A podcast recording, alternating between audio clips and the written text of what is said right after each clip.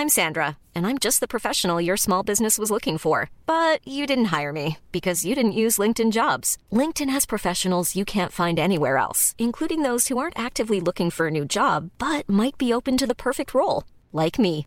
In a given month, over 70% of LinkedIn users don't visit other leading job sites. So if you're not looking on LinkedIn, you'll miss out on great candidates like Sandra. Start hiring professionals like a professional. Post your free job on linkedin.com/people today. Since 2013, Bombas has donated over 100 million socks, underwear, and t-shirts to those facing homelessness. If we counted those on air, this ad would last over 1,157 days. But if we counted the time it takes to make a donation possible, it would take just a few clicks. Because every time you make a purchase, Bombas donates an item to someone who needs it.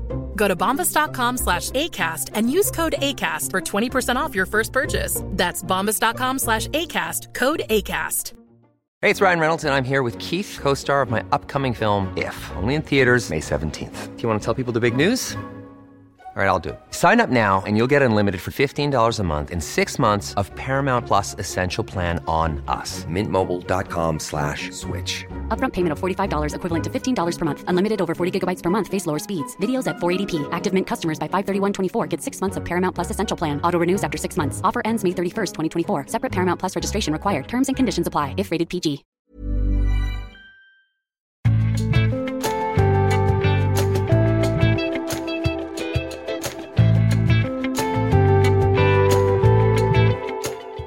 Her i studio i denne ukens episode av Tore og Tarjei sitter Tore Alma Sævik og meg sjøl, Tarjei Gilje. Og vi har med oss kulturredaktør Jens Kiel i Bergens Tidende. Kjent fra den nesten prisvinnende podkasten 'Noen må gå'. Ja, det var jo på hengende håret.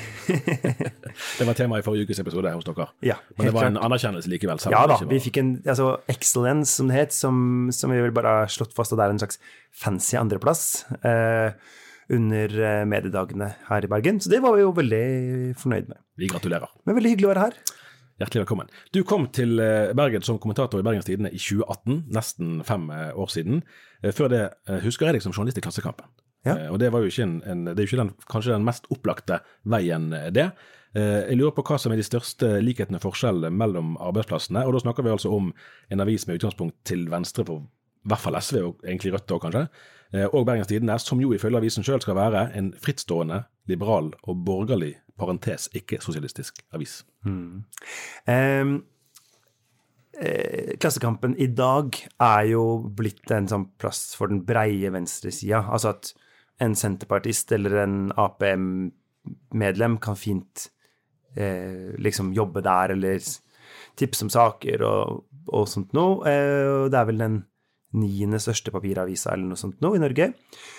Og, og Ehm, det som jeg tror, det som jeg kjente igjen veldig, det er at der Klassekampen er motkulturell i betydningen ehm, står utafor på en måte de breie maktpartiene. altså Mange av de store avisene i Norge har jo gjerne liksom De liker på en måte styringspartiene, da.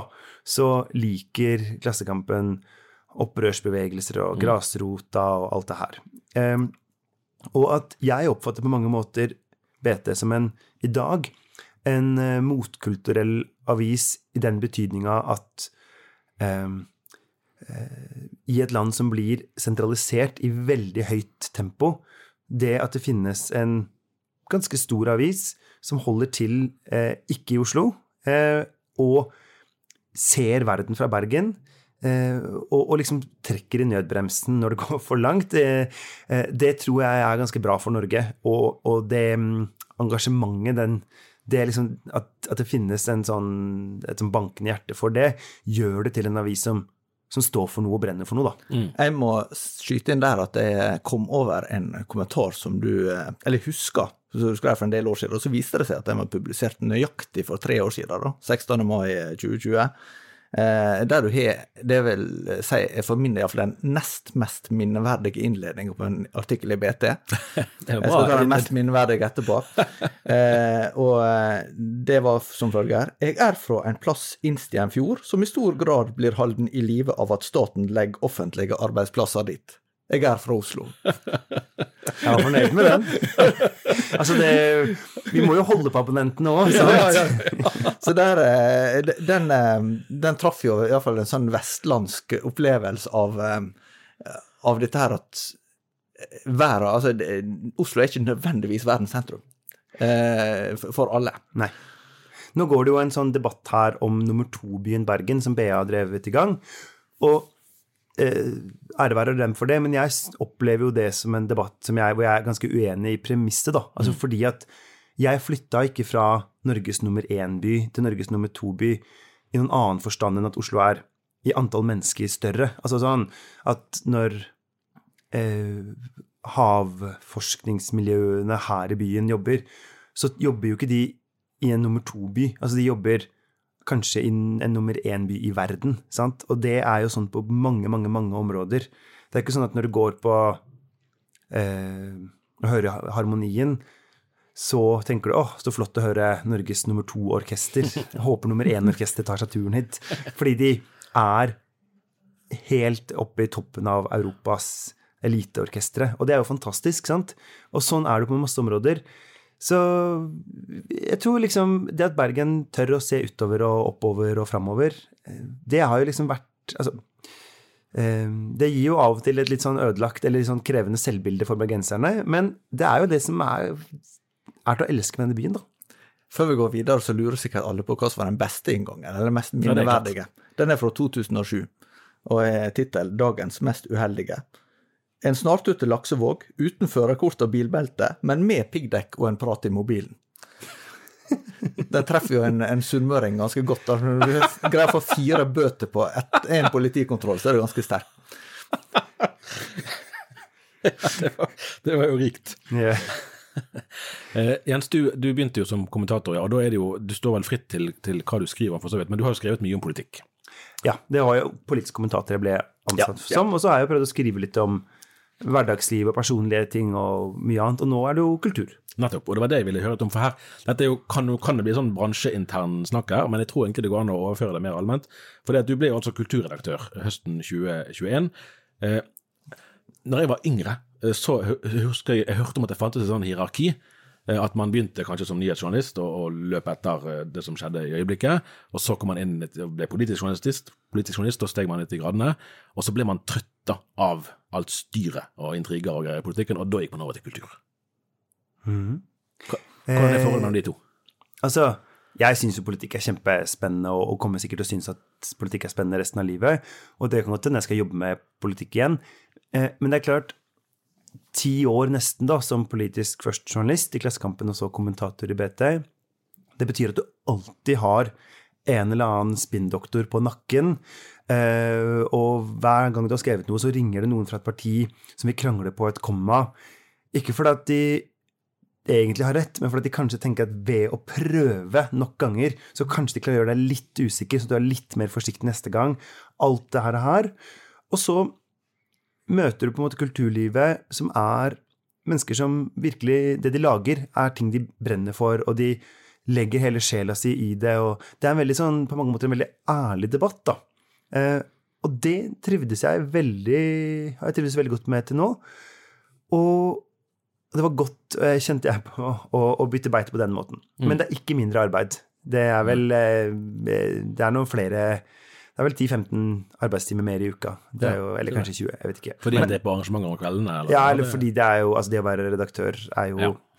eh, Altså, jeg elsker å bli BT, og en av grunnene er at leserne våre er jo veldig dedikert. Altså, det er jo sikkert sånn som dere har, eh, på mange måter. Altså at folk ringer og sier liksom Vår familie har holdt BT i fem generasjoner, og så kommer du og skriver dette i vår avis! Ikke sant? Og det, man kan jo ikke gjøre annet enn å bli lykkelig av at folk bly, bryr seg så sterkt. fordi det verste som kan skje i en avis, er jo at ingen lenger er, er, bryr seg. At det er liksom samme hva som står der. Eh, men det gjør jo at eh, ja, tida går, da. Eh, Hva er det som er forskjellig når det gjelder å følge kulturlivet versus politikken? Altså, eh, hva, hva tema merker du brenner mest for, for de som er i kultur? Hva er de største utfordringene? nå? Det som har vært viktig for meg, var at eh, jeg ikke ville at BT skal være en avis som driver med kulturbransjejournalistikk, men kulturjournalistikk. Vi skal skrive om innholdet i kunsten og, og de store opplevelsene og, eh, og, og, og, menneskene som skaper den, men at sånn eh, Veldig mye av kulturjournalistikken handler jo egentlig om sånn kunstens vilkår. Ja, Støtteordninger. Ja, den type ting. Og det, det kan selvfølgelig være interessant innimellom, men, men, det må være interessant på en sånn måte at det angår et bredt publikum. Altså BT er en brei allmennavis, og, og skal være det. Eh, så jeg har vært veldig opptatt av å prøve å holde At vi liksom må holdes på de store temaene, sant? Um, og så samtidig så kjenner jeg veldig at når jeg skriver, da, at, eh, at kulturen er jo inngangen til å gripe livene våre eh, mm. for veldig mange av oss. At eh, det å ta utgangspunkt i en eh, TV-serie eller en film eller en eh, teateroppsetning eller en bok kan, eller hva som helst, kan være det som gjør at man kan si noe viktig om eh, ensomhet eller kroppspress eller eh, hva det skulle være i fattigdom i samfunnet vårt. Og, og at det er ikke sånn at det er tema for de politiske kommentatorene. At vi skal liksom mm. kun skrive om sånn eh, Nå gjør vestlandsfilmene det 11 bedre enn Oslo-filmene, eller mm. et, altså sånn, den type spørsmål, da. Akkurat. Vi skal komme litt tilbake til noe av dette, eh, men vi må rekke å snakke om det som skulle være vårt hovedtema i dag. Eh, saken er jo at For to uker siden da snakket vi om den kanadiske psykologen Jordan Peterson som var i Grieghallen. Og i motsetning til både Tor og meg, så var du til stede. Ja, men jeg var ikke til stede i podkasten der eh, dette ble diskutert, og ikke minst min kommentar. Så tenkte jeg her savner jeg meg selv, nå vil jeg gi en stemme til den stemmeløse. og her sitter vi i dag. Ja, jeg inviterte meg, rett og slett. Sendte ja, bare en melding til Tarjei og ga beskjed om at eh, jeg ønsker meg selv inn. Det er jo forbilledlig, det, det, må gjerne flere gjøre hvis de ønsker seg. Kan ikke love at alle blir invitert, men, men eh, det er lov å det er lov å anbefale sitt, sin egen deltakelse. ja. Og nå har, jeg, nå har, jeg, altså funnet frem eh, boken, eller en av hans bøker, 'Tolv regler for livet', og jeg ramser opp. Eh, rett deg opp og trekk skuldrene tilbake. Bli ja, Nå gjør Jens akkurat det som ja. Bli venner med folk som vil deg vel. Eh, få orden i eget hus før du kritiserer andre. Eh, si sannheten, eller i hvert fall ikke lyv. La barna være i fred når de skater. Klapp en katt når du møter den på gaten. Hva er det for noe? Eh, nei, altså jeg var, lå ganske bra an fram til katt. Jeg er allergisk, så der, eh, det hopper jeg over. Men resten tror jeg er ganske sånn eh, treffer jeg greit på, i hvert fall. Ja, for Du skrev at dette ligner på det som din mor hadde sagt til deg. Du har ja. hatt en god oppdagelse? Ja, altså det, det Men jeg ser vel også at dette var kanskje det som mange av oss har hørt mora vår mase om, men det er ikke sånn at vi alltid har hørt på det. Eh, og, eh, og det, jeg skjønner at det kan bli oppfatta som en slags kritikk, men det er jo veldig mange av oss eh, trenger jo å høre råd fra andre enn våre egne foreldre, som er ganske selvsagte, for å gidde å følge dem. Mm. Så det er ikke Men at, det er ikke sånn hokus pokus, var vel egentlig bare det mitt, eh, mitt syn på det, da. At mm. mye av det er jo ja, rimelig rett fram. Hvordan forklarer du Petersen sin appell? Det er ikke mange som kan invitere til et foredrag i Grieghallen og, selge ut på 1, 2, 3.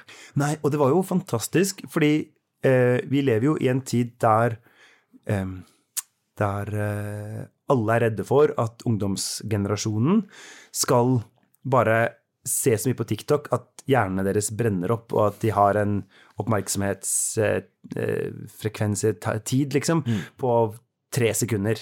Eh, og her sitter det folk, og de aller fleste er jo da menn fra min alder, jeg er 37, og nedover mot, mot russ, kanskje, eh, i to og en halv time, som tente lys. Eh, ok, jeg så knapt en telefon oppe, ikke sant? Eh, nå snakka jeg med, med Grieghallen i går, som meldte at det hadde vært godt salg i baren. Men det var liksom ikke noe sånn uh, Altså, det er mer fyllekalasstemning fyllekalas-stemning når jeg går på konsertene med Harmonien, mm. og hele liksom fana har rykka inn for å kose seg i Grieghallen. Så, så, det, er jo, det er jo kjempespesielt. Men hva som kan gjøre det Jeg tror at um, uh, i en tid der litt sånn Alt flyter, sant? så det at noen er litt sånn Nei, noe må gjelde. Noe eh, Nå er det noen ting som står på spill, og dette er rådene for å komme dit. Altså Men hva oppfatter du at Peterson baserer disse rådene på? Er, det noe slags eh, fundament for det, eller bakgrunn, eller er det bare sånn sunt bondevett eh, forsøksvis? Altså, jeg tenker vel at, at det som vi kaller for protestantisk arbeidsmoral, arbeidsetikk, altså den eh, Liksom, disse rådene her eh, En haugianer ville jo sikkert nikka til det, eksempel. Altså, eh, dette er jo på en måte idealene i vår del av verden, og, og kanskje i, i Jordan Petersens del av verden så er det jo mange sånne typer råd som vil kanskje lede fram til det som vi ser på som den amerikanske drømmen. Altså sånn at du må jobbe hardt, da skal du lykkes. Sant? Du må stille høye krav til deg selv. Han jo, sier jo det hele tiden. Ja. Ja. for noe av det som du kommenterte, og som du reagerte litt på, det var jo altså individ versus kollektiv. I hans, eh, og der, jeg, bare si, for jeg nevnte jo det i min kommentar etterpå, at jeg så et, et intervju han ga til Skavlan når han var her i 2018, var det vel. Og da ble jeg litt sånn fascinert, for jeg kjente igjen eh, sjargongen nesten fra mange sånne kristelige leire, der han er opptatt av det som å si til den enkelte at du kan få til ting, og du er sterkere enn din motgang. Det var litt, det var så, Han snakket ikke om Gud direkte, men det var sånn oppmuntringsbudskap som, som er i mange kristne menigheter sånn her generell liksom, eh, tro på potensialet, som kan tendere mot selvhjelp. Eh, så det var, det var det jeg la merke til. Men du la merke til mer at her er det individet som står Ja, i altså, sentrum. Altså jeg følte veldig jeg satt der, at i Jordan Petersens eh, måte å legge fram argumentene sine på, så finnes ikke noe rom for fellesskapet. Det er bare deg, deg, deg. Og det det er jo på mange måter som å høre eh, mange sånne, eller lese sånne psykologspalter og, og sånt noe. Men det som jeg, som jeg hadde lyst til å måte, diskutere litt med dere òg, var jo det her at i mitt hode så stemmer jo det veldig lite med um, I hvert fall sånn som jeg oppfatter eh, mange av de liksom breiere kristne miljøene, som nettopp handler om eh, nestekjærlighet, og som handler om eh, at ja, verdien av ulike former for fellesskap. Og det kan være familie som et fellesskap, men det kan være på en måte landsbyen, eh, i både konkret og mer metaforisk eh, forstand. Og at det er eh, det herre fraværet av fellesskapet tenker jeg gir en sånn um, en sånn ensomhet. At du må lykkes helt alene, ellers så er du ingenting. Så gutter, hva tenker dere? Nei, jeg, jeg tenker jo at uh, den norske uh, Du nevnte haugianismen, eksempel. Den, den er jo i sin natur veldig fellesskapsorientert. Den snakker om vennesamfunn. Og også noe av det som kjennetegner Vestlandet, sånn som jeg tenker det har vært tradisjonelt, det er jo at det er relativt tette fellesskap. Det er de som har hatt mye penger, eksempel, har tenkt at jeg har et ansvar for at eh, de bruker sånn at andre her kan få jobb. Eller sånn at der finnes det et At det, det er godt å leve i den kommunen eller det nærmiljøet der jeg har fått et stort ansvar. da. med Se på, se på Austevoll, Ja. se på Sunnmøre. Altså, de Så, så, men, men, er seg fast. Ja, ja for, for- det er jo noe med den eh, felles altså, Som er noe annet enn en mer sånn um, ideologisk begrunna sosialisme. Altså, men, men den er hele tida fellesskapsorientert eh, likevel. Altså, den, den noe, det, og det er jo kanskje det som har gjort det mulig for de som som har, prøvd å, å se slektskap mellom eh, sosialdemokratiet og de kristne bevegelsene i Norge. At det, en har hatt en sånn solidaritetstanke eller nestekjærlighetstanke som har vært veldig sterkt eh, definerende. Um, men, men er det sånn at du, du tenker på den måten at du sporer ei endring når Peterson har en appell blant en del som, som opplever seg som verdikonservative, og kanskje kjenner at det er det lite gjenklang for i, i, ja, i vestlig kultur i dag, da? Altså, jeg veit ikke. Det er jo eh, Jeg tenker at den derre Den eh, ensomme ensomme, suksessrike mannen har jo fått veldig Det er jo self-made man, ikke sant? Vi- Det er jo, hel, det er jo idealet, ikke sant? Um, mens i Norge så har vi jo hatt en annen måte å, å snakke om det på. At sånn eh, Når du hører politikere som stiger til topps, så ofte er det jo det de snakker om, er jo mer eh, liksom Hadde det ikke vært for den læreren, og hadde det ikke vært for det fotballaget, så hadde jeg aldri klart å lære meg norsk, hadde jeg aldri blitt dratt inn i det ungdomspartiet. Og det er jo veldig flott. Eh, og og for meg Jeg er jo absolutt ingen ekspert på teologi, men jeg tenkte at jeg kjente igjen en sånn Den der fremgangsteologien, mm. herlighetsteologien. Litt forskjellige navn på det. Ja, det er vel mye det samme. Ja. Eh, altså, som jo handler om eh, på en måte, altså Man knytter sammen eh, gudstro med personlig suksess, da. Og det har jo gitt veldig mange triste resultater, fordi at eh, det jo ikke alltid er Det er ikke så enkelt, eh, viser det seg, at man bare Hvis du tror nok, så eh, så, så ordner alt seg, og du blir kjempesuksessrik. Og, og det gir jo noen, eh, selvfølgelig noen livskriser, men også noen teologiske kriser for Nei, mennesker. og det var artig nok fordi at altså, Du har jo òg lest, eh, lest Åse Dokka, sant, som jobber som kommentator i, i Vårt Land og er presseutdannet og har skrevet et par bøker, to i tallet, eh, som jeg har lest i hvert fall. Og, eh, og et av liksom et kjernepunkt i, i hennes første bok er jo nettopp dette at, at eh, måte kristendommens, eh, et av kristendommens viktigste bidrag i vårt samfunn kan være nettopp å formidle at du ikke er din egen lykkes med fordi at Altså En ting er at det teologisk sett er sånn det er, eh, men òg at, at hvis man legger til grunn dette individualiserte budskapet, så er jo virkelig den enkelte ekstremt sårbar. For Hvis man da ikke får det gjennomslaget i sosiale medier eller i andre, altså i virkelig liv utenom, så er det din egen skyld. Eh, Og da står du der. Ja, og, og, på en måte um, De aller fleste i, i det norske samfunnet skal jo bli lærere og sykepleiere og ha helt vanlige jobber, og de skal tjene helt middels, og de skal uh, bo et eller annet sted hvor de tenker at det er fem år på etterskudd med å pusse opp badet. Og i det livet så skal det jo være, det skal være fullt mulig å, å tenke at dette er et godt liv. sant?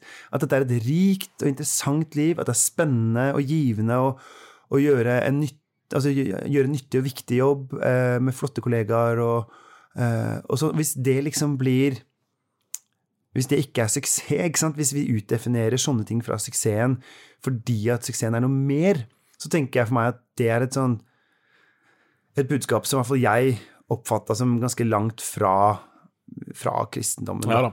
Ja, for her, her berører vi jo egentlig noen linjer som altså For den saks skyld, sånn, pinsebevegelsen var jo lenge kjent som en arbeiderbevegelse. Og du snakker om, om, om Sunnmøre og haugianismen. at Det var jo i høyeste grad de var kollektive, og de var samfunnsbyggere. Altså De bygget bedrifter, det var ikke bare å mele sin egen kake. Så sånn sett er det jo en, en påfallende kontrast mellom det veldig sånn individrettede, som gjerne kan ha en appell nettopp i, ja, i Ja. det, Og- det mest karismatiske Ja, at jeg lurte lurt på kanskje at fordi at eh, fraværet er så sterkt i dag av, eh, av kristne stemmer med appell i den brede offentligheten, så er det en del i, i kristenheten som omfavner Jordan Peterson litt sånn Ok, han i hvert fall sier noe om Jesus som ikke er liksom direkte hatsk. Vi får ta han. Eh, I stedet for å gå inn litt kritisk og se ok, hva er egentlig dette for noe? Er ja, Dere landa jo på nei på spørsmålet er han en god kristen leder. Men, ehm, eh, men jeg tenker jo at ja, at han kan på en måte forføre litt da, med et sånt budskap som, eh, som tilsynelatende eh, kan være hyggelig fordi at han snakker opp mange kristne historier og sånt noe, men at det han selve det han står for og det han viser fram, det er ganske eh, på tvers av i hvert fall ikke alle kristne retninger som er representert i Norge, men veldig mange av dem. Ja. Jeg har prøvd å, å etter fattig evne å forstå hvem er det han appellerer til. Sant? Og, det, og det mest opplagte som har vært kjent, det er jo at han appellerer til ortodokse kristne, eh, ikke bare i Norge. Men så så vi òg, blant de som har vært omtalt i forbindelse med besøket her, at, at eh, Indremisjonen var der, altså i det mest konservative i det lavkirkelige, men òg noen av de mest eh, om jeg skal si radikale eller konservative i det karismatiske. Eh, og da har du et stort gruppe, hele folkekirken, men òg egentlig, vil jeg tro, mye av frikirkeligheten, som egentlig ikke, eh, ikke treffer helt. Og så lurer jeg på da, om det går an å si at, at han, han tilbyr på en måte en helhetlig pakke i en tid der kanskje ikke minst de har mange som har en eller annen form for verdikonservativ orientering, opplever at det er mye forvirring, og det er få som tør å liksom, snakke deres sak. Her er det en som, som leverer noe som du kan lene deg på, da, og da tar de det med hud og hår. Og så er det jo eh, Han står nok nærmere, sånn som jeg vil tenke, mange mer amerikanske, karismatiske menigheter. Og de har vi etter hvert begynt å få en del av. Altså, i Norge eh, menigheter som på en måte tar et sånt mer eh, amerikansk uttrykk, for å si det sånn. Eh, og der er det jo litt mer eh, full gass eh, på sånne her ting. Og da, da er det litt lettere å, å slå de sammen. For jeg tror sånn Altså bestemora mi, som var eh, pinsevenn på sin hals i Namsos, hvis hun hadde hørt på Jordan Peterson ikke sant? Hun jobba først som eh, anleggskokke da de bygde Nordlandsbanen, og etterpå så jobba hun i vaskeriet på sykeheimen i Namsos. Og at hun hadde hørt det her, hun hadde fått fullstendig, altså enda mer bakoversveis enn den der nyføna sveisen hun hadde. Så, eh, så det er liksom noe med den avstanden til det tradisjonelle, karismatiske menighetene som jeg tenker er enormt stor, da. Du eh, eh, har jo vært tydelig på at du sjøl ikke har noe gudstru i, det du har, har skrevet. Samtidig så er du også eh, tatt imot en bibel fra en kollega av oss som du har i fall, hatt et prosjekt med å lese ganske mye i, har jeg forstått. Ja. Eh, så, så det, er jo, eh, det er jo også et litt sånn spennende inngang til og Sånn som du nevner familiebakgrunnen, at du har også en, en kjennskap til det, det frikirkelige eh, sånn personlig, da. Eh, Men Ja, kan du faktisk si mer enn en, eh, Den norske kirke, vil Ja. jeg si. Det er veldig få i min familie som har gått der. Nettopp. Det er liksom enten beinharde ateister, eller så er det Nordmisjon og pinsevenner og ja. Ja. Så vi er kanskje en familie som litt sånn Vi liker det real deal, liksom. Ja. Men, men hva menighet er det du, eh, og kristent miljø er det du liksom legger merke til når du er kommet hit? Hva, hva har du sett av kristenliv på Vestlandet når du liksom har, har emigrert, da? Um, nei, altså for det første så Denne bibelen som jeg fikk um, Det er jo 2011-utgaven, 20, riktig? 2012? Ja, det er vel 11. Ja. Ja. Eh, på et fantastisk nynorsk eh, som jeg fikk av eh, Birgit Oppheim her i dagen. Og vi går jo også da i en, en slags alfagruppe, hvor halvparten er ateister og halvparten er eh, veldig aktivt troende. Eh, så det er jo der jeg på en måte møter det, ikke sant, mest. Eh, og og eh, men i det så Jeg, har- jeg syns jo det er spennende eh, med, med salt og sånn, fordi at det representerer jo en sånn um, um, Hva skal jeg si En sånn vridning eh, uh, vekk fra at at uh, kristendom skal være litt sånn kjedelig og stillesittende. sant? Eh, og det syns jeg er spennende, for det er jo åpenbart at det har appell, stor appell. Eh, og, og samtidig som jeg oppfatter jo at det er mye som er eh, sunnere der enn det var, da. Altså, nå har jo dere hatt en veldig god serie om, eh, om eh, livets ord. Jeg lever nå. Ja. Liv, levende ord, unnskyld. Tusen takk.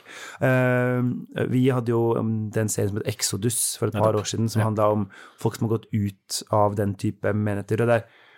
er, eh, så det virker jo som om det er mye som er bedre enn det var på en del sånne parametere som gjelder at det kan kreve veldig veldig mye av mennesker. Um, og så er det jo spennende selvfølgelig å følge Den norske kirka, da, som jo ikke sant, I Oslo, der jeg kommer fra, så er jo den enten ingenting eller liksom eh, fritt Palestina. Ikke sant? Altså det blir liksom, den, den, er, den har jo veldig lite å si det i den daglige i, i daglige spørsmålet om tro, fordi at eh, nå er jo de fleste i Oslo ikke troende, sant? Eh, og hvis de er troende, så er det nå gjerne heller katolikker eller muslimer eller sånn. Men merker her- du en forskjell der når du kommer til Vestlandet? At, Ja, det er jo at klart liksom at? Biskopen her er jo mer sentral, og, eh, og kirka står jo mye mer sentralt i mange bygder og, og byer rundt forbi. Eh, det har en helt annen status, sant. Um, altså nå, jeg skal feire 17. mai, skal holde tale i Øystese, og så skal vi videre og spille med bandet i, på Lofthus. Så det er liksom jeg som står for underholdninga i Hardanger i år.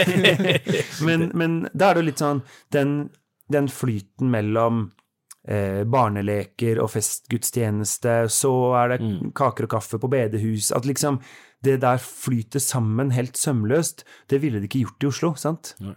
Du sa litt i sted om, om kulturen som at den berører liksom det som rammer om livene våre. da. Eller, Det var vel ikke de ordene brukte, men, men noe i den retningen. Eh, du vet jo det, sant, at denne avisen har jo i årtier vært eh, For så vidt ble jo denne avisen til fordi at man mente at, at det var for lite eh, stoff om dette. Altså om de religiøse sidene ved det i sekulære aviser. Nå er det over 100 år siden, og man kan jo vurdere om det er blitt bedre eller verre. Men som kulturredaktør, hvordan, hvordan eh, tenker du og, og, og journalistene i Bergenstidene om kirkelige sammenhenger som kulturarena, nettopp med tanke på det at her er det dette som manges liv handler om, som, som du nettopp var litt innom i, i mm. Hardanger? Ja, Nei, altså eh, Jeg tror nok at eh, der vi har hatt et par tiår hvor mange journalister har hatt veldig berøringsangst for, for religion i mm. stort, så er den litt borte nå. Ja. At liksom, Der har vært viktig å si vi tar et oppgjør med det. Nå er vi liksom eh, Vi er ikke lenger partipresse, vi har ikke en formålspøy som er religiøs, alt det her. Eh, så er det litt sånn Nå kan vi skrive om hva vi vil. Eh, og det er litt deilig å ha mm. litt sånn lavere, lavere skuldre. Eh, hva, hva, var det Jordan Peterson sa? De skulle lenes tilbake. Ja, det var rett i ryggen og skuldrene ned, var ikke det? Ja. Jo, bakover. Ja. Jeg tenker med skuldrene ned er veldig godt, da. Eh, så der er jeg nok uenig med den godeste psykologen. Men, men at vi har jo Vi kan skrive om om religiøse bevegelser, og vi kan skrive om om eh, Ja, vi har skrevet masse om at Ragnhild Jepsen ble ny biskop mm. her eh, i Bjørgvin. Og det var stoff som leserne våre tok veldig godt imot. Jeg har skrevet flere kommentarer om, om ulike religiøse spørsmål. Så jeg opplever jo at det er litt sånn At vi har kanskje kommet over en ny tid hvor, ja. hvor det er litt lettere, da. Og så skal jo vi gjøre det på en annen måte enn dere gjør det. Mm. ikke sant? Altså, det, jeg leser jo en del debattspaltene i dagen. Og til glede og forargelse. Eh, ja, ja, ja. Men også til eh, opplysning. Ikke sant? Det er noe med å prøve å skjønne en verden som jeg selv ikke møter i, i hverdagen min. Og, eh, og for eksempel en stor forskjell er jo at i dagen så kan, hvis noen eh, viser til at noe står i Bibelen, og derfor sier 'dette har jeg en kilde på, dette er mm, sant', mm, mm. det kunne jo ikke BT gjort. Altså da liksom Det er ikke det er sant at du mener det, eller det er sant at du tror på det, men det er ikke sånn at fordi det står der, så mm. er det Altså um, Vi ser jo Vi legger jo ikke Bibelen til grunn som sakprosa på den mm, måten, mm. Mm. Eh, for eksempel, da. Så vi skal dekke det på hver vår måte, men eh, jeg tror nok kanskje at eh, at vi skriver mer om kristenheten nå enn vi gjorde for noen år siden. Ja, ja for et av mine sånn uh, skjellsettende øyeblikk nesten, uh, det tror jeg var i 2021 på Arendalsuka, så, så var ytringsfrihet og, og minoriteters mulighet til å komme frem i samfunnsdebatten, og forskjellige minoriteter, tema. Eh, og da var det Frank Rossavik som var uh, kommentator, i hvert fall. Han var vel òg politisk redaktør, ikke? I Bergens Tidende. Ja. Eh, som, som, og det var på en måte eh, som reaksjon på noen, noen kirkelige stemmer som etterlyste på en måte deres plass, fordi at, eh, at ulike redaksjoner hadde, hadde f.eks. aktivt vært ute og hentet inn muslimske stemmer, og om ikke kirkene òg burde få tilsvarende hjelp. da. Og da var han ganske sånn klar og si at hallo, her snakker vi om den institusjonen som har vært kanskje den viktigste kulturbærer i århundrer. Dere kan ikke regne med å få den samme hjelpen som en minoritet som ikke har vært i Norge mer enn noen få tiår. Og det, Der tror jeg det er sånn veldig motsatte realitetsopplevelser. At fra mange kristne så opplever de at det er ingen som bryr seg om oss, vi må på en måte kjempe vår egen sak. Mens kanskje mange avisredaksjoner kan si nei, men dere har, jo ikke meldt dere på i det hele tatt. Nei, det er nok sant. Jeg, men jeg blir jo invitert mye rundt, da. Så jeg har vært hos NLA-høgskolen på deres konferanse. Jeg har vært i panel hos, eller leder panel hos, eh, på Kirkeskipet på Arendalsuka, ja. hos eh, er det Kanal 10 de heter? Ja, det er noe som Ja, ikke sant? Og, og, og stiller noe opp når folk eh, spør ofte. Eh, fordi jeg syns at det er fint å kunne diskutere disse tingene, og, og at vi bør være nysgjerrig eh, på hverandre, da. Jeg tror det, det, gir et bedre utgangspunkt for en sunn debatt. Eh, men, men eh, det er klart Vi har jo en Altså, Norge har jo vært et veldig, veldig dypt kristent land. Mm. Ja, tusen år, da. ikke sant? Sånn at vi Den der ideen om at uh, at kristne nå er en sånn en minoritet som det er synd på, eller som trenger liksom støttehjul, den uh, er jo mange som har problemer med å mm. akseptere, da. Og så tror jeg at det må komme litt sånn fra, fra sak til sak. Altså at, at i eh, noen sammenhenger så er jo åpenbart den kristne stemmen, den som uteblir, og som vi bør løfte inn. Eh, ikke sant? Altså Jarle Mong, som eh, Ja. jobber på Framnes, ja. Mm. eh, i Norheimsund, er jo en veldig populær eh, eh, debattant i våre spalter, og en som jeg elsker å krangle med. Ja, han liker å diskutere med deg òg. Eh, ikke sant? Eh, og andre ganger så tenker vi vel at, at på en måte det synet er så kjent at det har ikke den samme Mm. eh, nyhetsverdien, rett og slett. da. Ja. Akkurat. Vi nærmer oss raskt til slutten, og vi får, vi får ta det som en lærdom at, eh, at dagen hadde en samtale om Jordan Petersen sin teologi, men fikk litt teologisk korreks fra kulturredaktøren i Bergens Tidende. Der, eh, det, jeg vet ikke om det kom mest uventa på delen av meg. Nei, det, det får bare henge i luften. Takk for besøket, Jens. Veldig hyggelig å være her. Vi er tilbake neste uke. Ha det bra.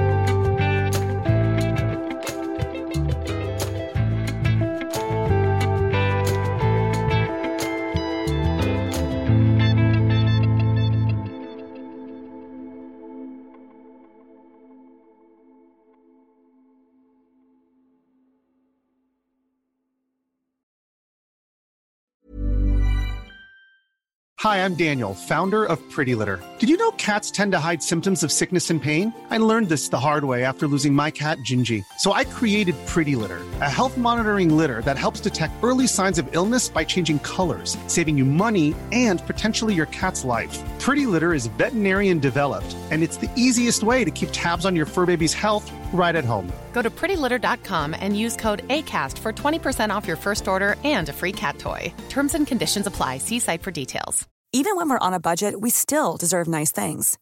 Quince is a place to scoop up stunning high-end goods for 50 to 80% less than similar brands. They have buttery soft cashmere sweaters starting at $50, luxurious Italian leather bags, and so much more. Plus, Quince only works with factories that use safe, ethical, and responsible manufacturing. Get the high-end goods you'll love without the high price tag with Quince. Go to quince.com slash style for free shipping and 365-day returns.